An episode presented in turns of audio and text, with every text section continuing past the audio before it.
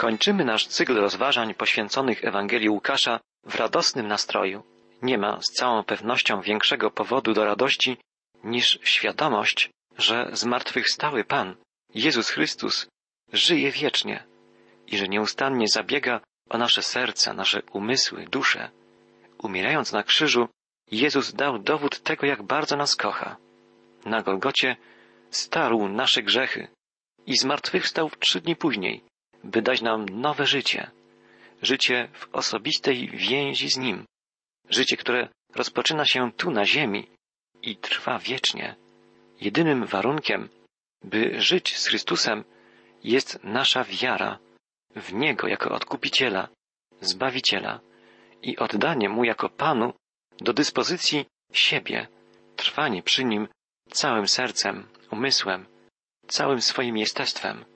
Wspaniałą rzeczą było przebywać ze zmartwychwstałym Panem, gdy przez kilkadziesiąt dni pozostawał jeszcze na ziemi. Ewangelista Łukasz jako jedyny pisze o pojawieniu się Jezusa na drodze do Emaus. Dwóch spośród szerszego grona uczniów Jezusa w tym samym dniu, w którym Pan powstał z martwych, szło do Emaus, oddalonego od Jerozolimy około 11 kilometrów. Czytamy o tym w ostatnim, 24 rozdziale Ewangelii Łukasza, od wiersza 13.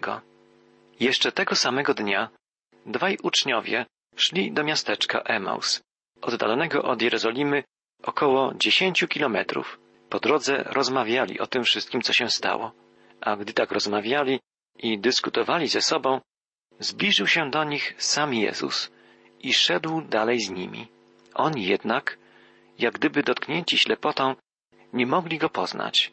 Jezus przyłączył się do dwóch uczniów rozmawiających o nim. Nie rozpoznali oni Pana i prawdopodobnie nie dawali wiary wieściom o Jego zmartwychwstaniu, które już zapewne do nich dotarły. Nie mogli więc przypuszczać, że to Pan przyłączył się do nich. Rozprawiali na temat ostatnich wydarzeń tak zażarcie, że nie przyjrzeli się niezwykłemu towarzyszowi ich wędrówki. Jezus zapytał, o czym tak żywo rozmawiacie w drodze? Zatrzymali się, pełni przygnębienia.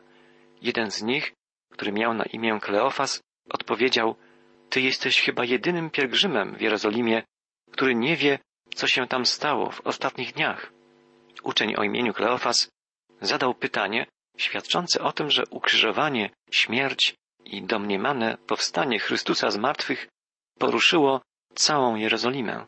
Tych dwóch mężczyzn nie może uwierzyć, że jest tu w okolicy ktoś, kto nie wie o tym wszystkim, co się wydarzyło. Gdy apostoł Paweł stanie później przed królem Agrypą, powie, że z pewnością zna on doskonale wszystkie okoliczności śmierci i zmartwychwstania Jezusa. Wszyscy pielgrzymi w Jerozolimie i w okolicy rozmawiali o niezwykłych wydarzeniach ostatnich dni. Mamy sposobność, żeby przysłuchać się wypowiedziom bezpośrednich świadków tych wydarzeń.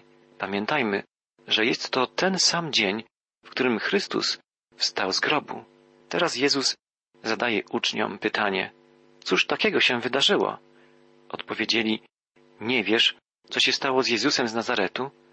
Był on prorokiem i odznaczał się potęgą czynu i słów wobec Boga i ludzi. Zwróćmy uwagę na słowa uczniów. Mówią o Jezusie, że był wielkim prorokiem. Tak, był wielkim prorokiem, ale co innego wiara w to, że jest pośród żywych.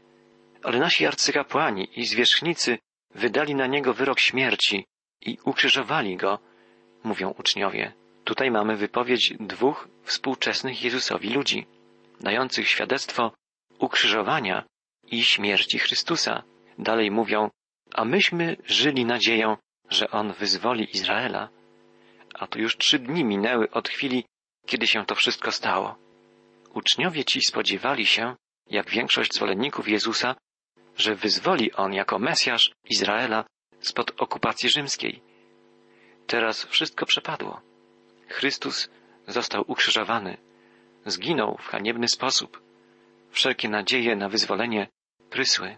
Uczniowie nazywają Jezusa prorokiem, potężnym w czynie i słowie, ale widać, że nie znają Jego proroctw albo nie wierzą w nie. Jezus zapowiadał przecież niejednokrotnie, że trzeciego dnia po swojej śmierci powstanie z martwych. Uczniowie mówią dalej. Tymczasem dziś wcześnie rano kilka kobiet z naszego grona było przy grobie. To one przyniosły wstrząsającą wieść. Mówiły, że nie ma ciała, ale zobaczyły aniołów, którzy im powiedzieli, że Jezus żyje. Ci dwaj mężczyźni nie wierzą w relację kobiet. Nie wierzą, że widziały one pusty grób. Możemy przekonać się na ich przykładzie, jak mało było wiary w zmartwychwstanie Jezusa w tamtym czasie. Ostatnie słowa uczniów zmierzających do Emaus zawierają jednak błysk nadziei, małe światełko wiary. Wobec tego kilku z nas poszło do grobu i przekonało się, że tak jest, jak powiedziały kobiety. Jego samego jednak nie widzieli. Możemy dostrzec ziarenko wiary w słowach niektórzy z nas poszli do grobu i zastali wszystko tak, jak kobiety opowiadały. A jednak równocześnie pojawia się wątpliwość, ale jego nie widzieli. Wtedy Jezus rzekł, ach, wy niemądrzy, tak trudno wam uwierzyć w to wszystko, co zapowiedzieli prorocy. Jezus nie pokazuje owym dwom uczniom śladów gwoździ na swoich dłoniach. Odsyła ich do Pisma Świętego. Karci ich, że nie wierzą w proroctwa, które powinni znać i rozważać. Jezus mówi, powinniście wierzyć w to, co mówią prorocy. Zwróćmy uwagę, jak wielki autorytet przypisuje Pan Jezus Biblii. Żyjemy w czasach wielkich wątpliwości, czasach kryzysu autorytetów.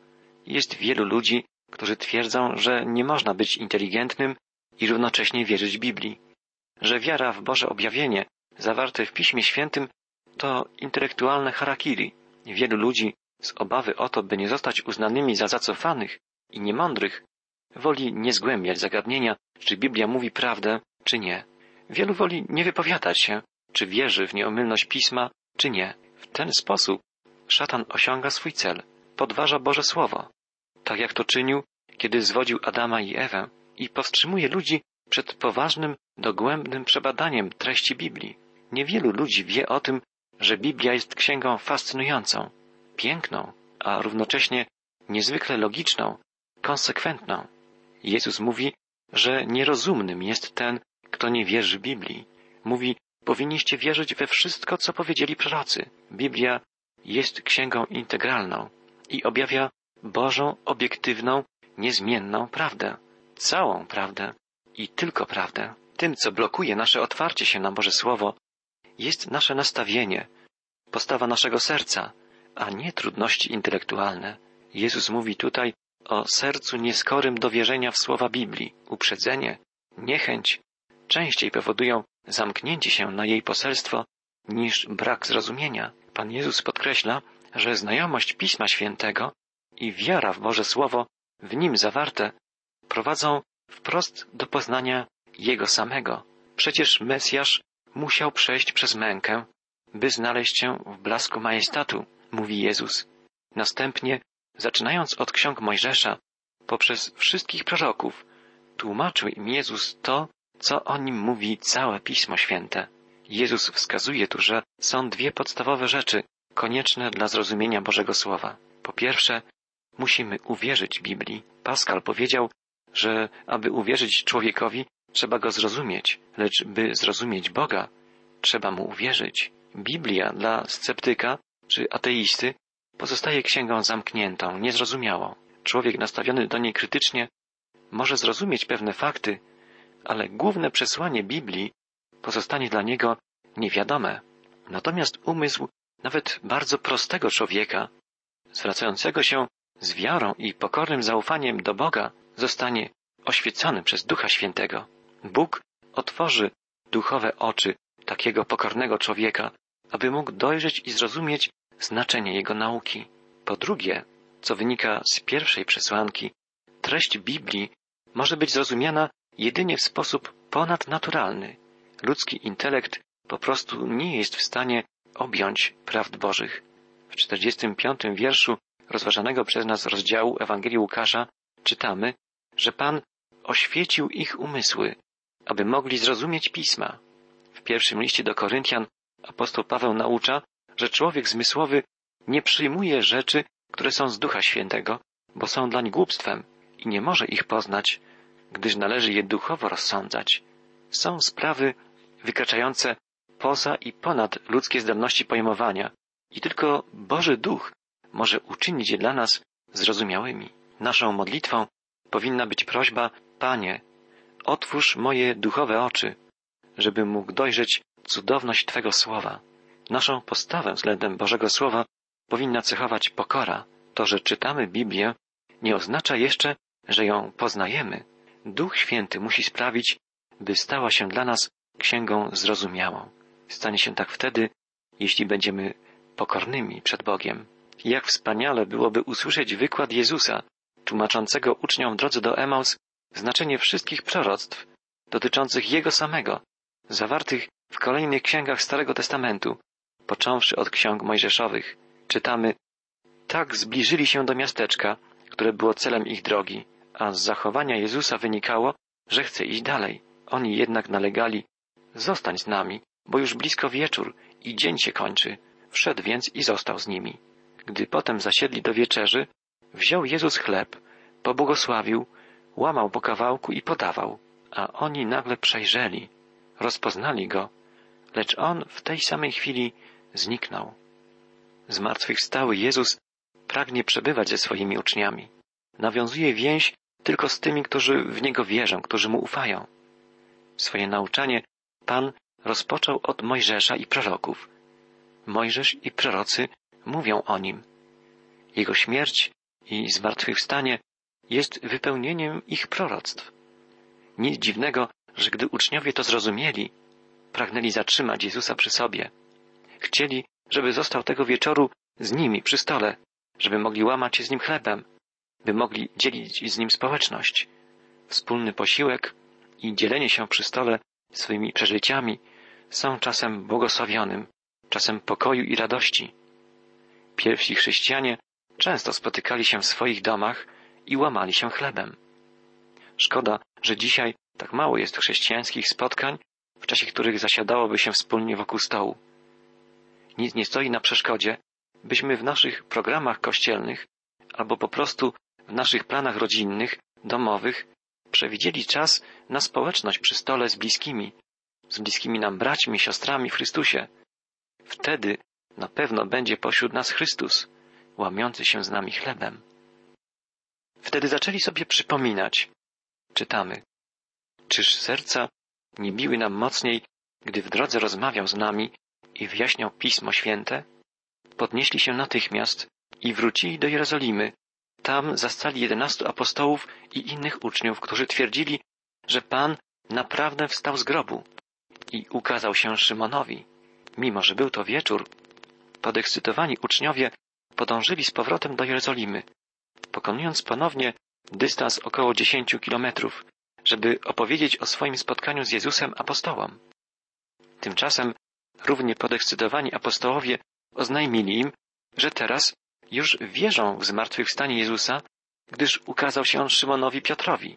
Zmartwychwstały Pan spotkał się z Piotrem na osobności. Pamiętamy, że Piotr zaparł się Jezusa przed jego ukrzyżowaniem.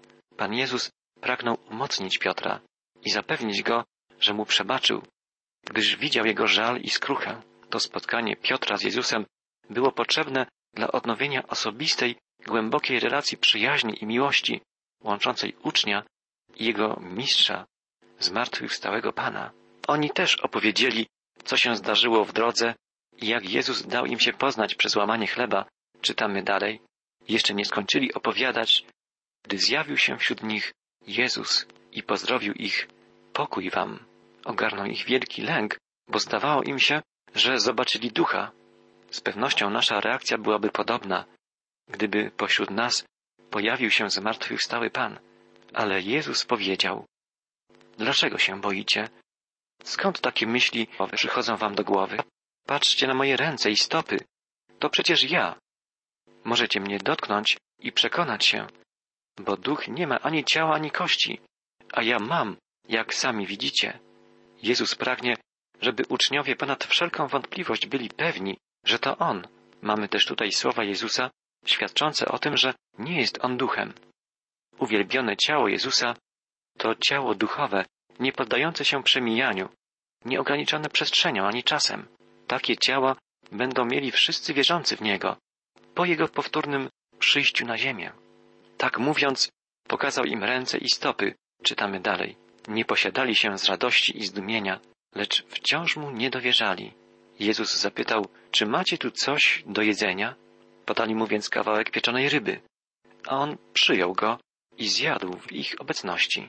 Uczniowie jeszcze ciągle nie dowierzali, nie wierzyli w to, co widzą i pełni byli zdumienia. Pan Jezus więc raz jeszcze przekonuje ich, że nie jest duchem. Potem zwrócił się do nich. Przecież wyraźnie mówiłem, gdy byłem jeszcze z wami, że musi się spełnić wszystko, co mnie napisano w prawie mojżeszowym, w księgach i w psalmach. Wtedy rozjaśnił im się umysł, tak że mogli pojąć sens pisma. Uczniowie do tej pory nie rozumieli słów Jezusa. Pan oświecił ich umysły, by mogli je zrozumieć. Dzisiaj każdy z nas również potrzebuje oświecenia Ducha Chrystusowego, by móc zrozumieć Boże Słowa. I mówił dalej. Jest przecież napisane, że Mesjasz będzie cierpiał, a na trzeci dzień wstanie z grobu. A wszystkie narody, od Jerozolimy począwszy, mają być w Jego imieniu wzywane do nawrócenia, aby uzyskać przebaczenie grzechów. Jezus uświadamia uczniom, że Ewangelia stanie się udziałem wszystkich narodów, że jej zasięg będzie globalny. Głoszenie nowiny o zmartwychwstałym Zbawicielu rozpocznie się w Jerozolimie i dotrze do końców świata. Wy zaś będziecie o tym świadczyć. Teraz poślę wam to, co obiecał mój ojciec. Dlatego zostańcie w mieście, dopóki nie otrzymacie mocy od Boga. Apostołowie Jezusa Chrystusa będą tymi, którzy rozpoczną zwiastowanie światu poselstwa o zmartwychwstaniu Pana i o tym, że poprzez wiarę w Niego każdy grzesznik może być zbawiony. Duch Święty da im moc do świadczenia o Bożych dziełach. Bożą metodą docierania do ludzi zawsze było powołanie i uzdolnienie wybranych przez Niego posłańców do niesienia Jego poselstwa ludzkości. Uzdalniał do tego zadania zawsze Duch Boży, Duch Święty. Potem zaprowadził ich do Bytanii. Czytamy w końcowej części Ewangelii Łukasza. Podniósł ręce i pobłogosławił ich. W chwili, gdy ich błogosławił, zaczął się od nich oddalać i wzniósł się do nieba. Gdy Pan Jezus opuszczał swoich uczniów, błogosławił ich. Kiedy powróci, przyjdzie jako sędzia całego świata. Przedtem jednak pochwyci swój Kościół, obdarzając go swoim błogosławieństwem. Dla wszystkich prawdziwie wierzących Jego przyjście będzie więc nie przerażającym, niespodziewanym widokiem sądu i potępienia, ale radosnym, oczekiwanym spotkaniem ze Zbawicielem. Uczniowie padli na twarz, a potem z wielką radością wrócili do Jerozolimy. Tam stale przebywali w świątyni i wielbili Boga. Tak kończy się opowieść Ewangelii Łukasza. Oby było dla nas to poselstwo wielkim błogosławieństwem. Oby rozradowało nasze serca, wzmocniło naszą wiarę, oświeciło nasz umysł. Jeśli podczas rozważań przepięknej Ewangelii Łukasza Jezus stał się nam bliższy, jeśli zapragnęliśmy poznać Go lepiej, to był to czas Bożego błogosławieństwa. Skłońmy głowy w modlitwie. Ojcze nasz niebieski, dziękujemy Ci za Jezusa Chrystusa, który zawisł za nas na krzyżu, żeby dać nam wolność. Dziękujemy Ci, Ojcze, że w Nim mamy zwycięstwo nad grzechem, zwycięstwo nad śmiercią, dar życia wiecznego. Pragniemy przebywać w cudownej społeczności z Tobą, Panie nasz i Zbawicielu. Amen.